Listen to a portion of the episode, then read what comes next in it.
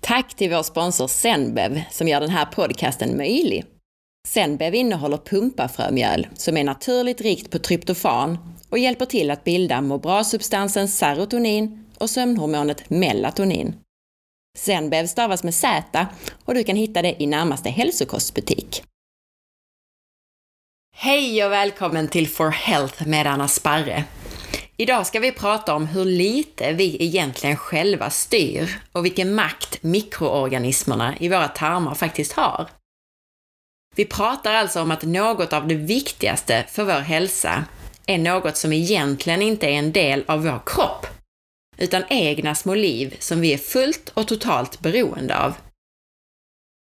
Men först och främst så vill jag tacka er som lämnat betyg och recensioner. Superstort tack! Jag vill också be alla er lyssnare som ännu inte gjort det, snälla gå in och lämna betyg och recension i iTunes. Både ris och ros uppskattas jättemycket. Och det är enkelt. Antingen går du in i iTunes på din dator eller i appen där du lyssnar i din telefon.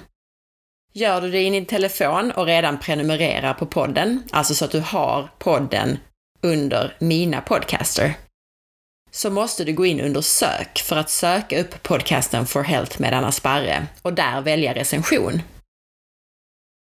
Ju mer ni lyssnar, delar och recenserar, desto bättre går det att hålla podden levande med en massa gratis information och intressanta intervjupersoner. Så som sagt, gå in och lämna betyg och recension för podcasten For Health med Anna Sparre. Stort tack till er på förhand vill också påminna om att du kan boka mig som föreläsare till ditt företag eller privata grupper. Och om du är nyfiken efter avsnittet så hittar du mer information på forhealth.se. Men låt oss köra igång. Magflora, alltså. Eller det engelska ordet microbiome som jag föredrar att använda. Vi ska prata en del om det i dagens avsnitt, men vi täcker långt ifrån allt. Jag vill bara berätta en del av de spännande saker som styrs från magen och ger en liten inblick i området. Det kommer att komma fler avsnitt på temat tarmflora så småningom. Vi har ungefär fem meter tarmar i kroppen, men tarmen består av en massa veck, sådana här så kallade villi och mikrovilli, som de här vecken och tarmludden kallas. Så tar man en tarm och vecklar ut den, så är det en enormt stor yta. Och tidigare har man pratat om en hel fotbollsplan, men ny forskning visar att den kanske ändå blir något mindre än så. Men i vilket fall så pratar vi om det största organet i kroppen alltså. Och 80% av immunförsvaret finns här. Mag och tarmsystemet har av kloka människor länge kallats för vår andra hjärna. Och det ligger mycket i det. Inte minst för att många av våra signalsubstanser bildas i mag och tarmsystemet och inte i hjärnan som de flesta tror. Det finns också teorier kring att vi har utvecklats från organismer som inte hade vår hjärna, utan där det som är idag är vår mage faktiskt fungerade som vår hjärna. Forskare tror alltså att när vi utvecklades från mindre avancerade djur så var vår nuvarande mage faktiskt vår hjärna. Och därav alla signalsubstanser runt matsmältningsapparaten. Dessutom, tarmens nervsystem fungerar så pass självständigt att om man skar av alla nervförbindelser mellan hjärnan och mag och tarmkanalen så skulle den fortsätta att fungera, åtminstone vad gäller de grundläggande funktionerna. Häftigt va? Vi har runt ett och ett halvt kilo mikroorganismer i våra tarmar. Ett och ett halvt kilo alltså. Och de är långt fler än vad vi har kroppsegna celler. Vi består alltså mer av andra varelser än av oss själva kan man säga. Och även om man pratar i termer av bakterier i magen så gäller det många sorters mikroorganismer, inte bara bakterier, utan virus och svampar och parasiter. Vi är helt beroende av en enorm armé av mikrober för att kunna hålla oss levande. En mikrobiota som skyddar oss mot inkräktare, bryter ner mat, frigör energi och producerar vitaminer. Och vi behöver faktiskt inte bara de bra bakterierna, utan forskare har uttryckt att 85 90% av magfloran ska vara sådana här goda bakterier som vi brukar kalla för probiotika.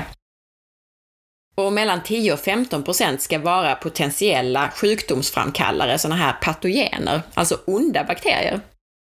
Och varför de här patogenerna överhuvudtaget? Jo, de underhåller immunförsvaret och håller det alert.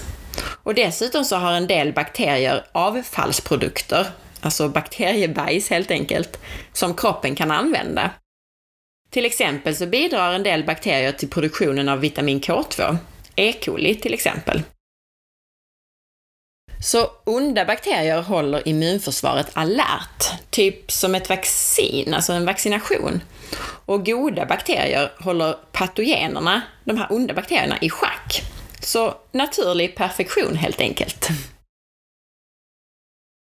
Jag hörde en forskare säga att all skit du drar på dig före tre års ålder ungefär är bra för ditt immunförsvar, även om du har kvar det hela livet. Till exempel den här bakterien som orsakar magsår, helicobacter, och parasiter och andra infektioner.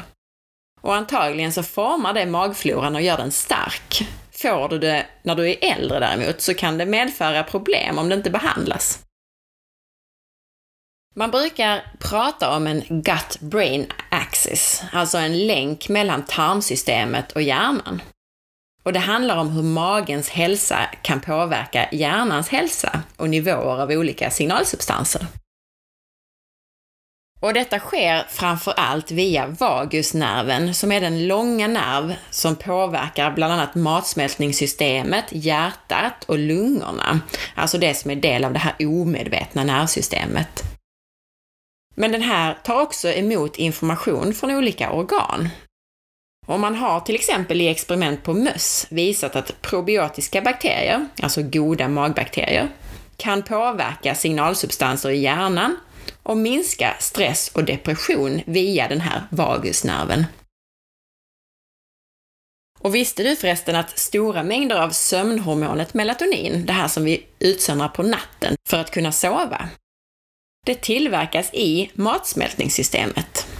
Aminosyran tryptofan processas av mikrober, alltså små djur i tarmen, och kan sedan omvandlas till serotonin, må bra-substansen, och eller till melatonin, sömnhormonet.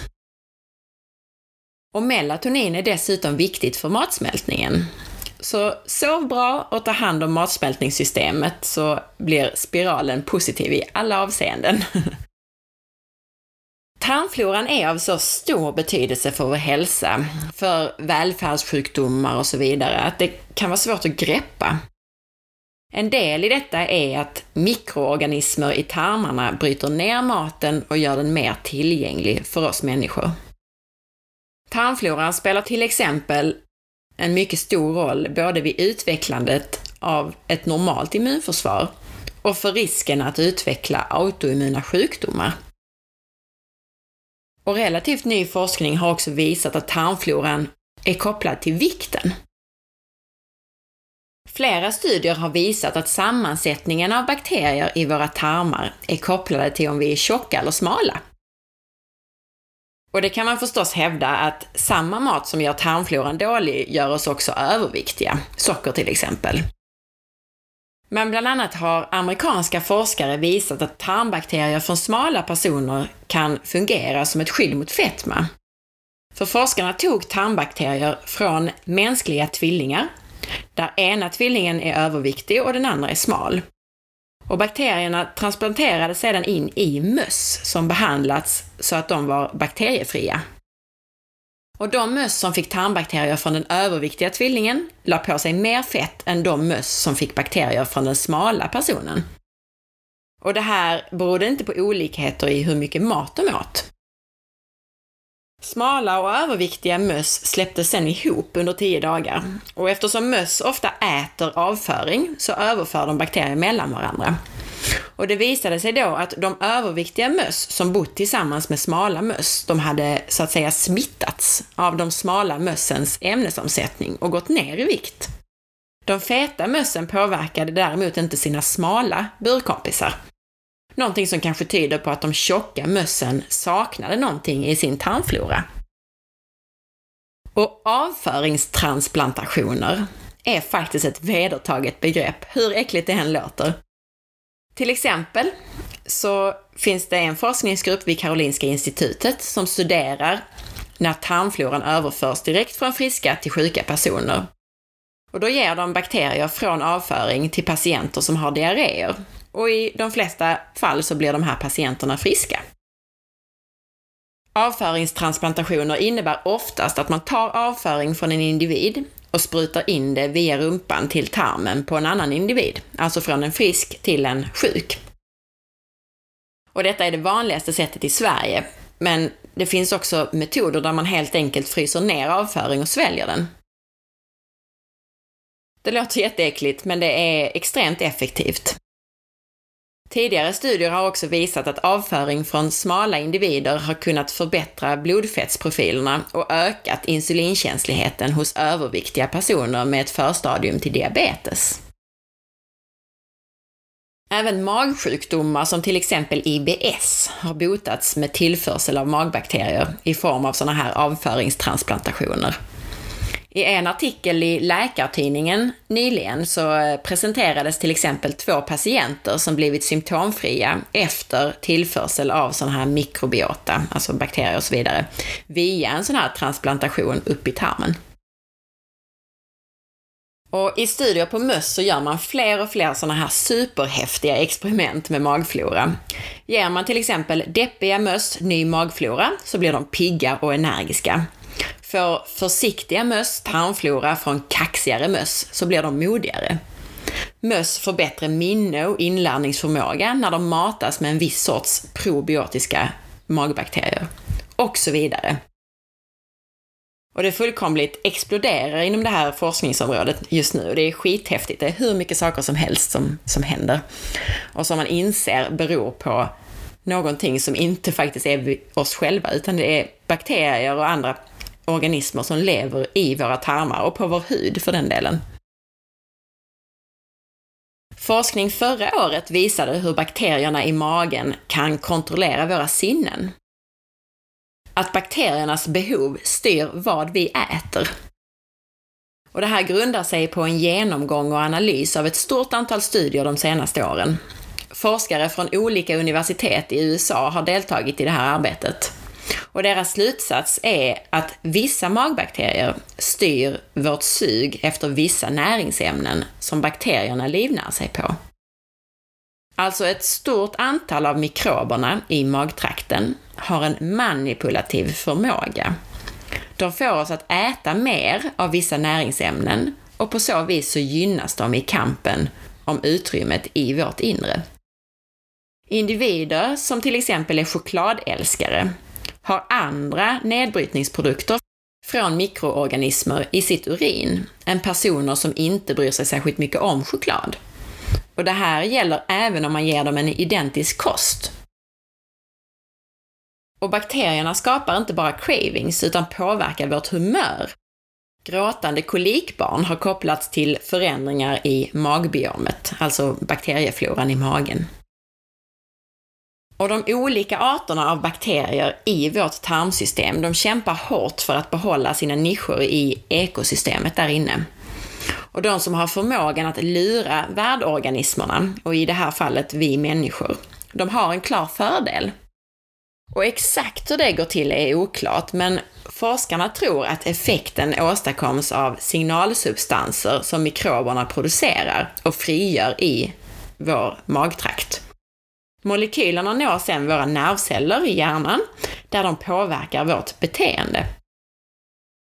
Bakterierna kan eventuellt förändra hur receptorerna för smak uttrycker sig så att viss mat smakar godare. Och det här kallar man för expression of taste receptors på engelska.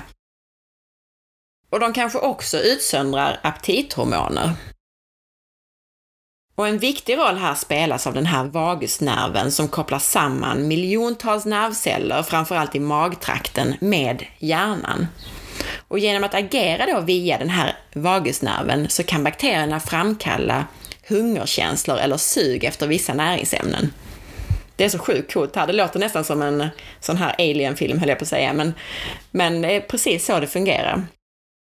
Och jag citerar ur en artikel på ämnet. Microbes in the gastrointestinal tract are under selective pressure to manipulate host eating behavior to increase their fitness, sometimes at the expense of host fitness. Microbes may do this through two potential strategies. One, generating cravings for foods that they specialize on or foods that suppress their competitors.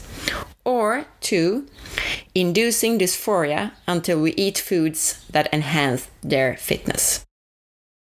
Man tror alltså att mikroberna har två olika strategier. Antingen genererar de cravings för mat som mikroberna behöver själva för att överleva. De gör alltså att vi blir sugna på det som de behöver. Eller cravings för mat som hindrar deras konkurrenter, alltså konkurrerande bakterier eller virus eller vad det nu är. Eller den andra strategin, de gör att vi mår dåligt tills vi äter den mat som våra tarmbakterier behöver. Visst är det coolt? Tänk så lite vi själva styr egentligen. Men när det gäller det här så är vi inte helt hjälplösa. Genom att bekämpa suget så kan vi svälta ut de besvärliga mikroberna. Alltså om vi orkar stå emot deras signalmolekyler så ger vi aktivt stöd till deras konkurrenter, andra mikrober som kanske har mer förenliga mål med våra egna. Det här är alltså en av anledningarna till att vi lär oss tycka om mat som vi äter mycket av. Den mat vi äter göder ju bakterier som vill att vi äter mer av just denna mat. Så det är bara att sätta igång och, och börja träna på att äta avokado till exempel, om man nu har svårt för avokado, eller oliver eller vad det nu är för någonting. Och bara på 24 timmar med en ny kost så kan vi påbörja förändringen av bakteriebalansen i tarmen. Mikroberna i magen, de vill dessutom ha en fast dygnsrytm, enligt en ganska ny studie. Och det här kan förklara varför flitiga flygresenärer och skiftarbetare ofta får problem med vikten. Det har hittills inte varit helt klart varför störningar i dygnsrytmen kan kopplas till en mängd olika sjukdomar som diabetes, cancer och fetma till exempel. Men nu har forskare då kommit fram till att en anledning är att mikroberna i magen störs när rytmen rubbas. Och forskarna analyserade avföringsprov från möss vid olika tidpunkter under dygnet och märkte att bakteriernas aktivitet förändrades över tid. Och för att mäta effekterna av en ändrad dygnsrytm så utsattes mössen för en omvänd rytm och fick leva med ljus på natten och mörker på dagen. Och den omvända dygnsrytmen hos musen ställer till det för deras magar och forskarna har upptäckt att mikrober som är förknippade med fetma växte på bekostnad av andra bakterier. Och när jetlaggade bakterier överfördes till bakteriefria möss så fick även de här nya mössen samma problem. Och för att se då om människor påverkades på samma sätt så testade man även avföringsprov på personer som flugit från New York till Tel Aviv. Och deras magbakterier stördes på samma sätt som mössens. Så frågan är nu bara om det är de jetlaggade mikroberna som är orsaken till ohälsan, eh, eller del av den, eller om den ohälsosamt störda dygnsrytmen som påverkar våra hormoner också påverkar till exempel magfloran. Men ganska spännande i alla fall, eller hur? Och massor med sjukdomar och besvär är kopplade till obalans i magfloran. Mer och mer forskning kommer och jag gissar att vi snart har kopplat alla allvarliga sjukdomar till magfloran. Några exempel. Obehandlade MS-patienter har färre bakterier som producerar butyrat, smörsyra, i tarmsystemet. Och det är alltså goda bakterier som, som producerar det här antiinflammatoriska butyratet. Och det finns studier som tyder på att magfloran spelar en roll vid utvecklandet av Parkinsons sjukdom. Många studier visar ett samband mellan magfloran och depression. En av anledningarna till detta kan vara att magfloran påverkar våra serotoninnivåer, alltså det här må bra, den här må bra-substansen. Eftersom det mesta av kroppens serotonin tillverkas just i mag och tarmsystemet. Och hormonerna och magen, de påverkar alltid varandra. I många fall så är det så att en hormonell obalans uppkommit av problem med magen, som en läckande tarm eller dåligt upptag och obalans i bakteriefloran. Men problemet kan faktiskt också vara omvänt. För kvinnor till exempel som hormonbehandlas för att bli gravida, de får i många fall problem med magen. Var fjärde svensk är drabbad av allergier och forskare är överens om att det har med vår levnadsmiljö att göra. Delvis för att vi lever allt längre från naturen och de bakterier som kan hålla oss friska. Och delvis för att vi generation efter generation får allt mindre bredd på bakterier i våra tarmar på grund av hygien, medicinering, kejsarsnitt och annat som kan påverka floran av mikroorganismer. På 50-talet så var det mindre än 1% av Sveriges befolkning som led av astma och idag är det ungefär 10% Vi exponeras inte längre för smuts och smittoämnen i samma bredd. De senaste 100 åren så har det skett en större förändring i exponering än vad det gjort på 50 000 år innan dess. Vi har eliminerat många sjukdomar och immunsystemet hinner inte anpassa sig. När man tar bort smittoämnen så försvinner också mikroorganismer som svampar och bakterier som har en kraftig skyddseffekt mot allergier. Vår tarmflora är exempelvis mycket fattigare än i samhällen som lever nära naturen. Experiment som man har gjort på afrikanska stammar visar att en person på 1500 är allergisk bland dem. Och det kan jämföras med en av fyra i Sverige. Man har också sett att barn som växer upp på en bondgård löper mycket mindre risk att utveckla allergier. I en ladugård finns massor av mikroorganismer som lever i balans. Nyligen så redovisade amerikanska forskare om en grupp i Venezuelas regnskog som lever som jägare och samlare. Som vi har gjort under evolutionen alltså. Och vanligen lever de helt utan kontakt med det moderna samhället. Och ungefär samtidigt så skriver australiensiska forskare om två avlägsna byar på Papua Nya Guinea. Och som väntat så skiljer sig de undersökta gruppernas tarmflora en hel del från den som västerlänningar brukar ha. Hos den här gruppen i Venezuela så fanns den största bredd av bakteriestammar som någonsin har observerats. Och mer om just detta, det vill säga vad som påverkar vår magflora, kommer jag att prata mer om i ett kommande avsnitt. Men människor som immigrerar från fattigare länder utvecklar allergier snart efter att de har anlänt. Oftast 3 till 7 år efter att de kommer till Sverige. Och det finns mikroorganismer i tarmen, små goda tarmmaskar, som har samma överlevnadstid, alltså 3 till 7 år. Så det kan vara så att när tarmmaskarna dött så är man mottaglig för allergierna. Det här tror jag i alla fall bland annat en barnallergiläkare som heter Magnus Wickman.